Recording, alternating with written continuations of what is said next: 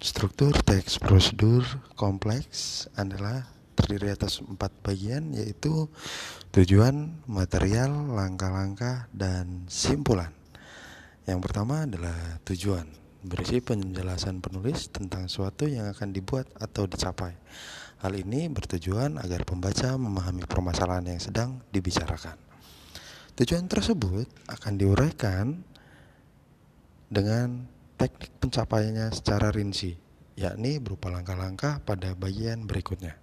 Yang kedua adalah material, berisi uraian secara lengkap tentang materi, bahan, dan alat yang dibutuhkan atau harus disiapkan untuk mencapai tujuan yang ditetapkan.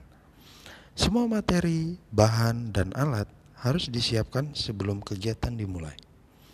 Yang ketiga adalah langkah-langkah berisi rincian atau urutan langkah-langkah yang harus ditempuh untuk mencapai hasil sesuai dengan tujuan. Tahap kegiatan dalam prosedur sederhana atau prosedur kompleks harus dilaksanakan secara berurutan. Sedangkan untuk protokol boleh divariasi, divariasikan sesuai kebutuhan. Yang terakhir adalah simpulan. Berisi uraian tentang hasil akhir yang diperoleh setelah semua langkah dikerjakan secara berurutan sesuai petunjuk.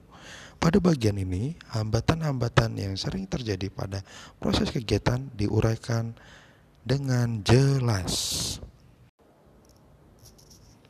Oke, hari ini kita akan membahas tentang teks prosedur. Teks prosedur merupakan sebuah genre teks berisi urutan tindakan atau langkah-langkah yang menggambarkan cara melakukan atau menghasilkan sesuatu.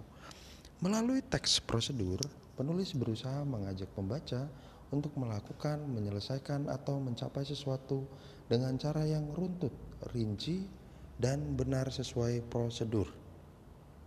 Teks prosedur dibagi menjadi tiga, yaitu kompleks, sederhana, dan protokol, tergantung dengan kegunaan dan fungsinya masing-masing.